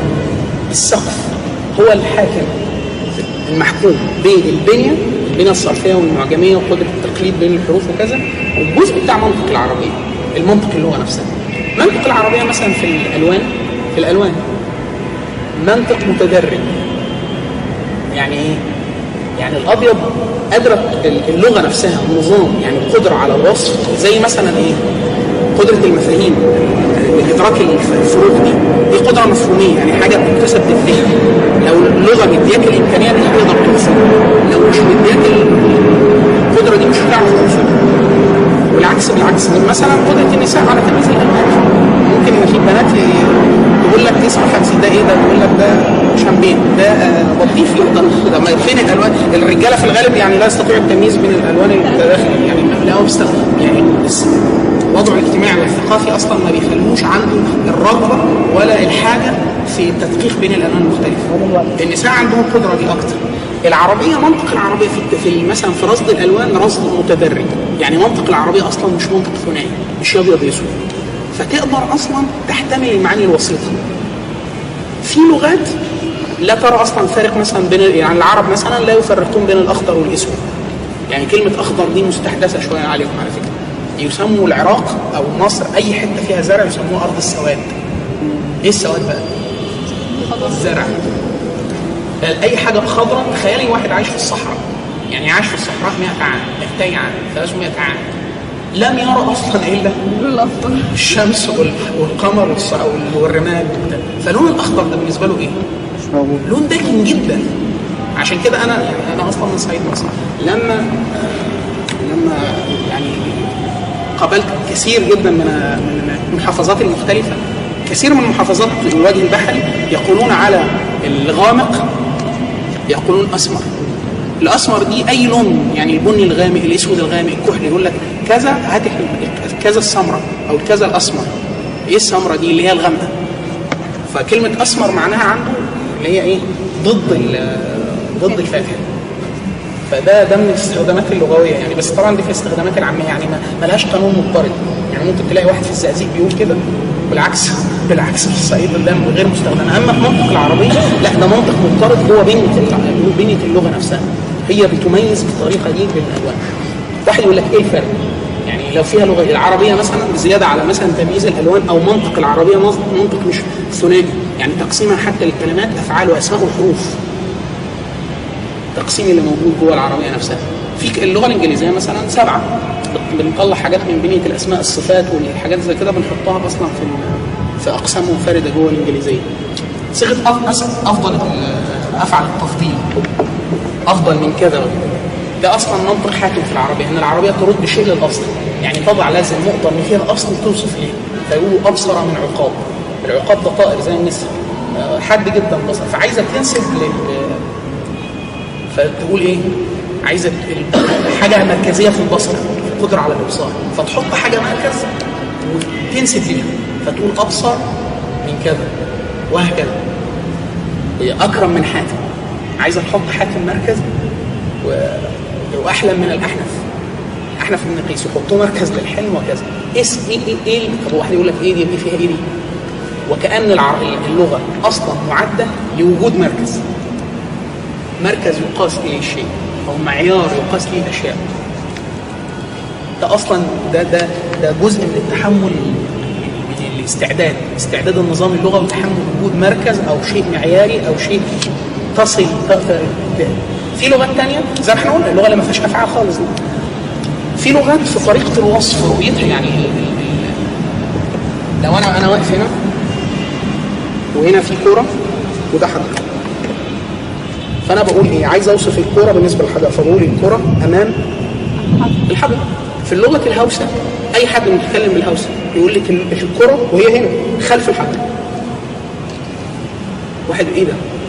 هي نظام اللغة مخليه أصلا طريقة حكم على الأشياء ورؤيته الأشياء مختلفة. مش معناه إنه غلط وانت صح. هو ال- ال- ال- ال- ما ما ما- يعني اين الخلاف؟ لا لا. اللغة أصلا بتكسبه الطريقة أصلا بتكسبه طريقه للنظر إلى العالم. فدي بقى خطورة الموضوع. إحنا بنقول إيه؟ على العقيده أصلا من الإبداع والتفكير في العلوم. هيشوف الحاجة إزاي؟ هيشوفها بما يسمح ليه نظام اللغة. بما يسمح ليه نظام اللغة. هي دي خطورة خطورة قضيه في فيديو ده واجب برضه تشوفوه. إحنا الأول شوفوا اقرأ بس في لسان العرب أي بس معجم يكون واسع. يا ريت يكون مثلا أساس البلاغة للزمخشري. يا ريت وشوفوا كتاب أساس البلاغة للزمخشري وشوفوا مادة قراءه قاف والراء والألف. شوفوا المعاني اللي فيها. والثانيه في فيديو إن شاء الله أرفع- ارفعه على على الصفحة بتاعت الدورة. اللي واحدة اسمها باتريشيا راين.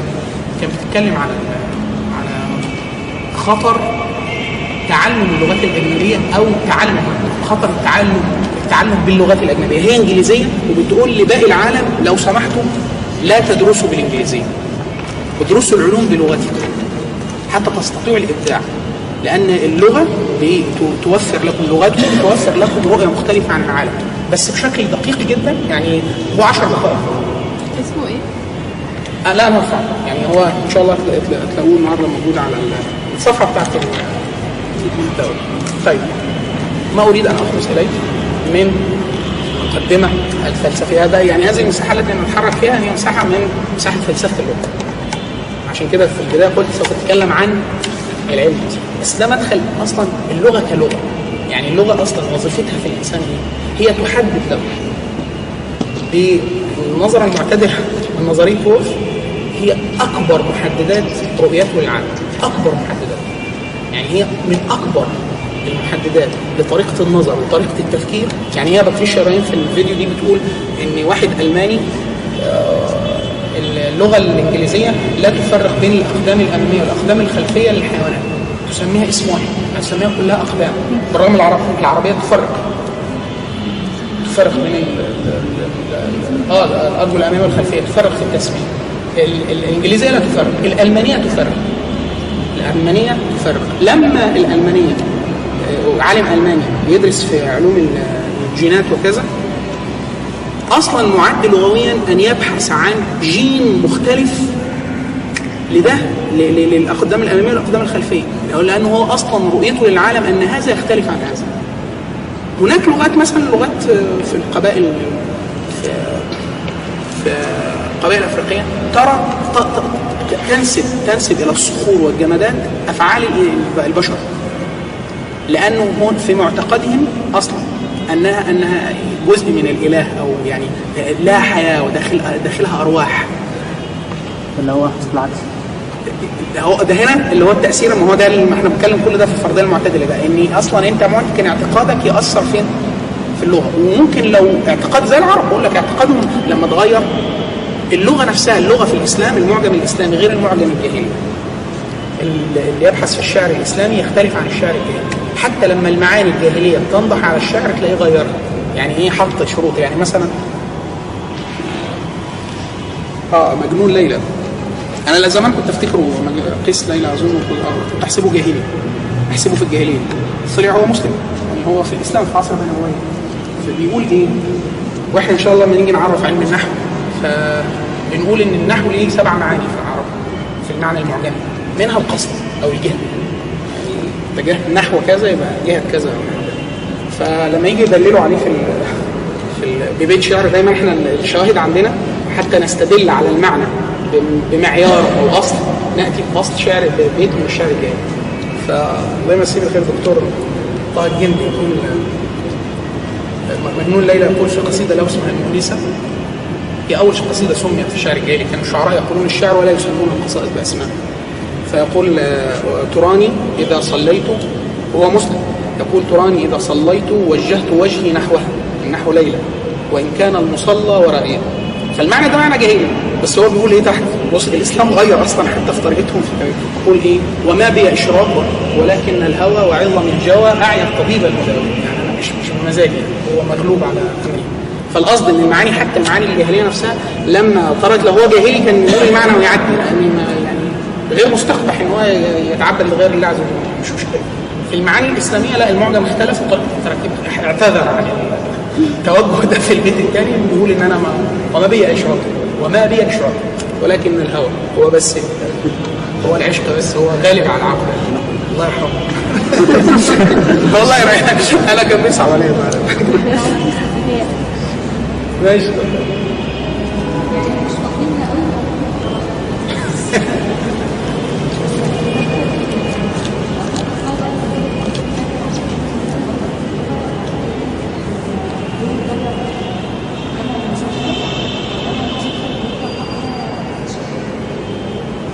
العاقل جمع المؤنث يدخل فيه إناث وغير عاقل طيب في في أحيانا يعني إيه في حركات نشأت في الغرب في التاريخ المعاصر بسبب الاضطهاد الشديد جدا للنساء. نشأ النساء حركات تتمركز حول الأنثى. يعني العكس مش عايزة تاخد تسترد الحقوق التي اضطهدت فيها الاناث لا. هي جعل الانثى أصلا هي الأصل. فمثلا ما يقولوش إيه مثلا؟ يعني عايزة يقول لك إيه ما تقولش. يعني هم آه مثلا. ده حتى نوال السعداوي هنا في مصر قال حاجة مرة. الله. ما تقولش آه لماذا يشار لله عز وجل دائما بضمائر المذكر في العربية أو في الأجنبية؟ ليه ما يشارش ليه بلفظ المؤنث أو الاثنين مع بعض. برغم إن في لغات أصلا تعبر أصلا عن التعبيرات المقدسة في اللغات دي تصورهم. زي مثلا في العبرانية وال- والأرامية واليونانية ممكن الكلام عن الله عز وجل بأنه الأب. الأب الذي في السماء مش بالمعنى الأبوي لعيسى لا لا لا. يعني هو أبو البشر. بالمعنى إن هو أبو البشر أبوه. من معنى الع- العاطفة والرحمة يعني. في لغات في لغات في القبائل ال- الإفريقية وكثير منهم مثلي يعبر عن الآلهة بأنها أم. أم لكل البشر. فهي قضية يعني إيه؟ آه، النظام النظام التعبير عن التذكير والتأنيث أصلا ليس له معنى. بمعنى آه، هناك أصلا أشياء مستقبحة أو تستقبحها العرب في الع- في- أو المعنى نفسه. وهو مذكر. النكد مذكر. خلاص والفرحه مؤنث يعني هو أصلا المعنى ده أصلا كان غير وارد عند وارد عند العرب. والمعنى اللي كان وارد عند العرب جه الإسلام وقضى عليه التكليف الخطاب الإسلامي أصلا القرآن سيدنا عمر الخطاب بيقول المعنى ده بيقول كنا لا يعني نعتبر النساء شيئا يعني ما كانوش يعني يظن النساء أقل درجة من الرجال. حتى وجدنا حتى وجدنا الله عز وجل يذكرهم في كتابه هو خلاص كله إيه؟ كله مكلف زيك زيه وده هيتحاسب وده هيتحاسب. فقط أما التفضيل فده تفضيل فطري. يعني ده وكأنه تمييز فطري. يعني السيدة أم سلمة سألت النبي صلى الله عليه وسلم عن ليه فقال هذا فضل الله يؤتيه من يشاء. يعني ليه النخلة أطول؟ برتقان برتقاني. هو ده يعني ده أصل الخلقه ده جزء يعني ده في حكمة الله عز وجل في علم الله. أما بقى هل ده ليه أثر في النظر للاشياء الاسلام جه هو ده بقى أثر الاعتقاد على اللغة. ان نفسها العربيه نفسها جت الزمت بالإسلام. فبقي لو في عند العرب وده في يعني العرب أحيانا أحيانا آه، نظرتها للنساء تجديها في اللغة ممكن. في في معاني هي تسع مقام الذكرى في معاني تدل إن العرب لأنه في في الجاهلية كان دي نظرته الإسلام لا.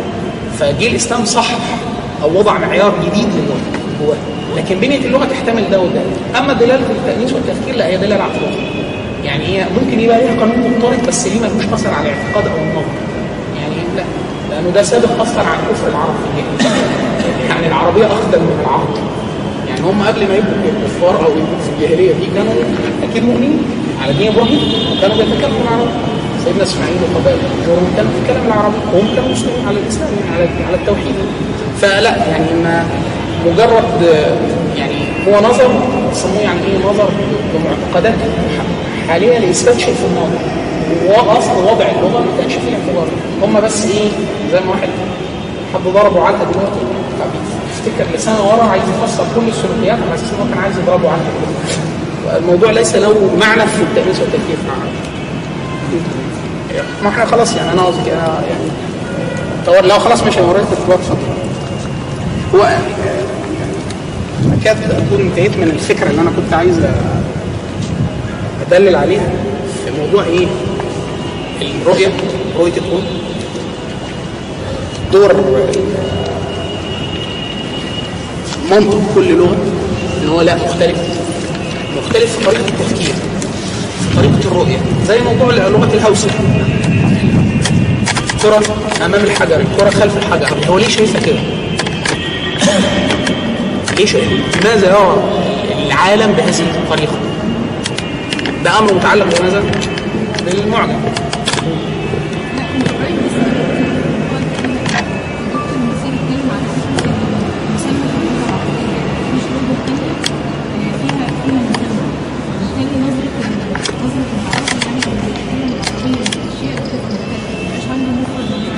آه مثلا ملاحظه جيده جدا من ال من ال من, ال من المنطق هو دي بقى كلمة المنطق اعم ان فيشر لما جه خلص البحث عن الألوان عايز يجرب الموضوع. فقال يبدو إن منطق العربية أصلا مش منطق ثنائي. يعني ما بيشوفش الحاجة تكون أصلا باصص له حتتين كده. يعني لا عنده قدرة على التدرج. يعني ممكن يقول لك إيه فرد ومثنى وجمع. باقي اللغات لا ترصد غير يعني عايزة تقول رجل يعني إيه؟ أنا ممكن أقول رجلان بالعربي. لكن في الإنجليزية لازم أجيب لفظتين وأضيفهم لبعض. أقول two. two وألحق أي حاجة بقى. عايز أقول عربية أو سيارة أو سيارتان بالعربي. خلاص هي البنية دي والصرفية لوحدها كده تدل على اثنان من نفس النوع. بالإنجليزية لا ممكن أقول two cars. يعني لا هجيب الاثنين مع بعض. فالعربية عندها قدرة على التدرج في وصف الأشياء. تدرج. في لغات تانية ما بتشوفش كده في واحد يقول لك إيه؟ طب إيه إيه بقى يترتب على ده إيه؟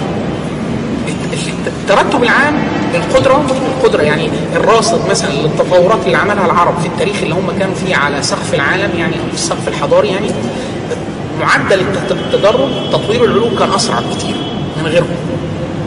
من غيرهم. إزاي؟ يعني قدرته على التشقيق والتفسير والفهم أسرع.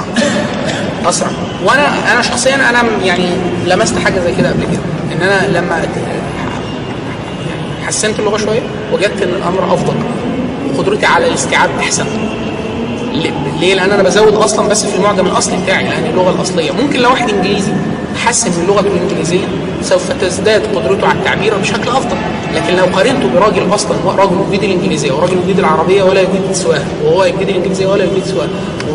وترك على نفس المسار العلمي أنا أعتقد بحكم النظرية العلميه طرح المعتدل للغرف كمان إني لا يختلف. هتفوق اللي هي العليا ال ال أنا بق- بقول إن النظام العربي أكثر رحابة وأكثر تعقيدا وأكثر دقة وأكثر قدرة على تصور المعاني.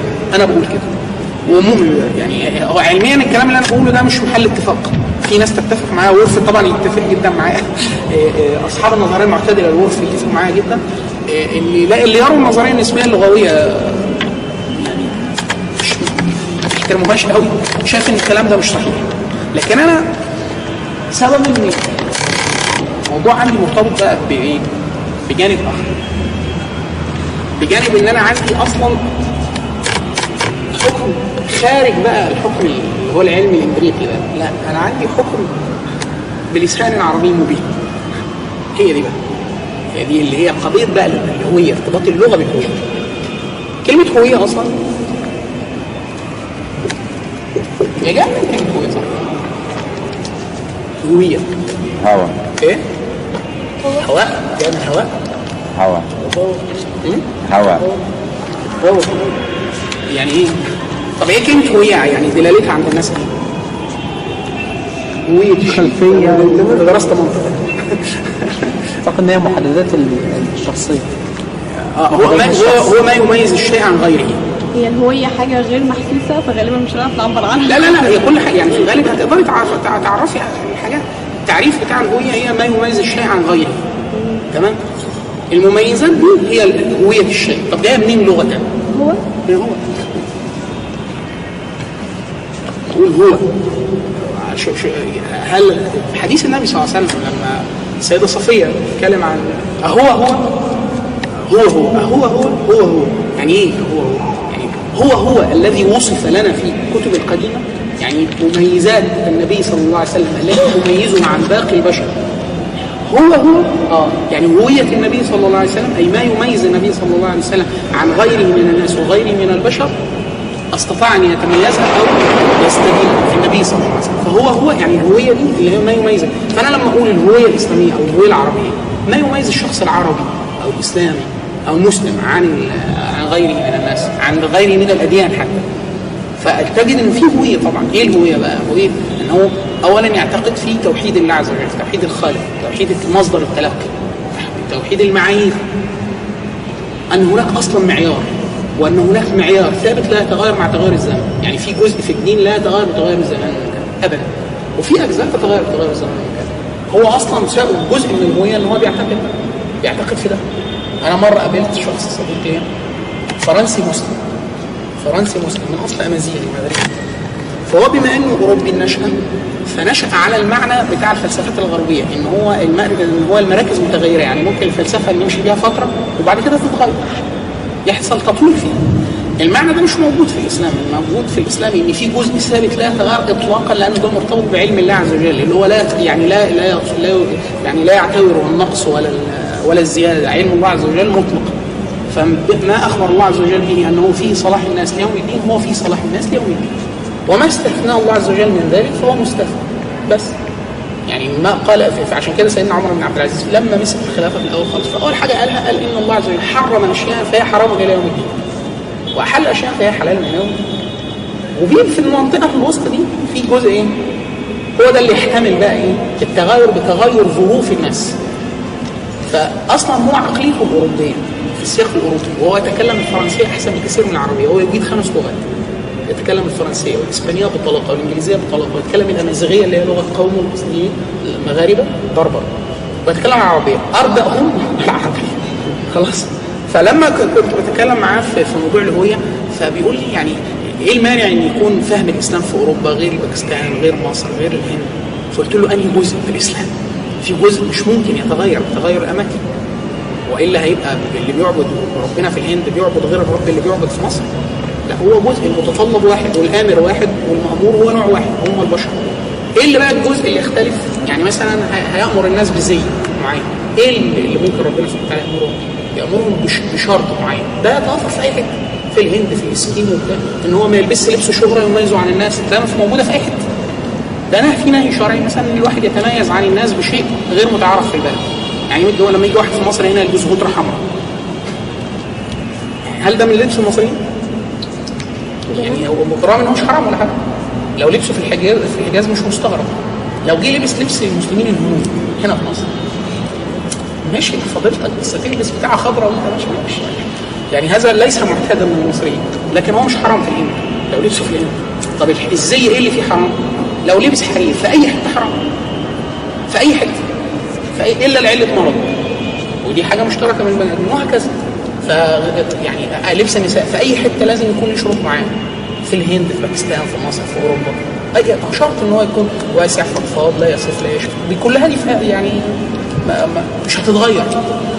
يعني أصل الستر والحشم ده موجود في كل حتة. ممكن حاجات تتغير؟ آه بقى في الاسكيمو هتلبس زي الخليج هتتجمد. يعني وهكذا والعكس بالعكس والعكس بالعكس ف قضية ارتباط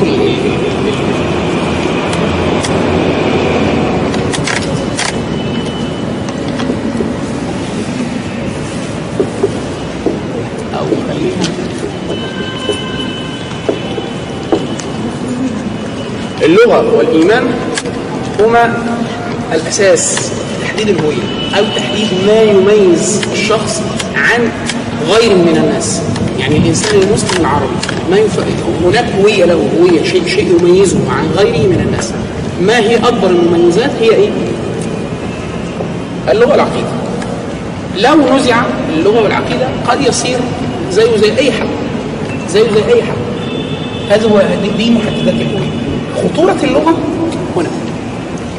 انها مكون رئيسي يعني أول ما اللغة بتتغير الجزء الإنسان أصلا بيفقد جزء من مكوناته.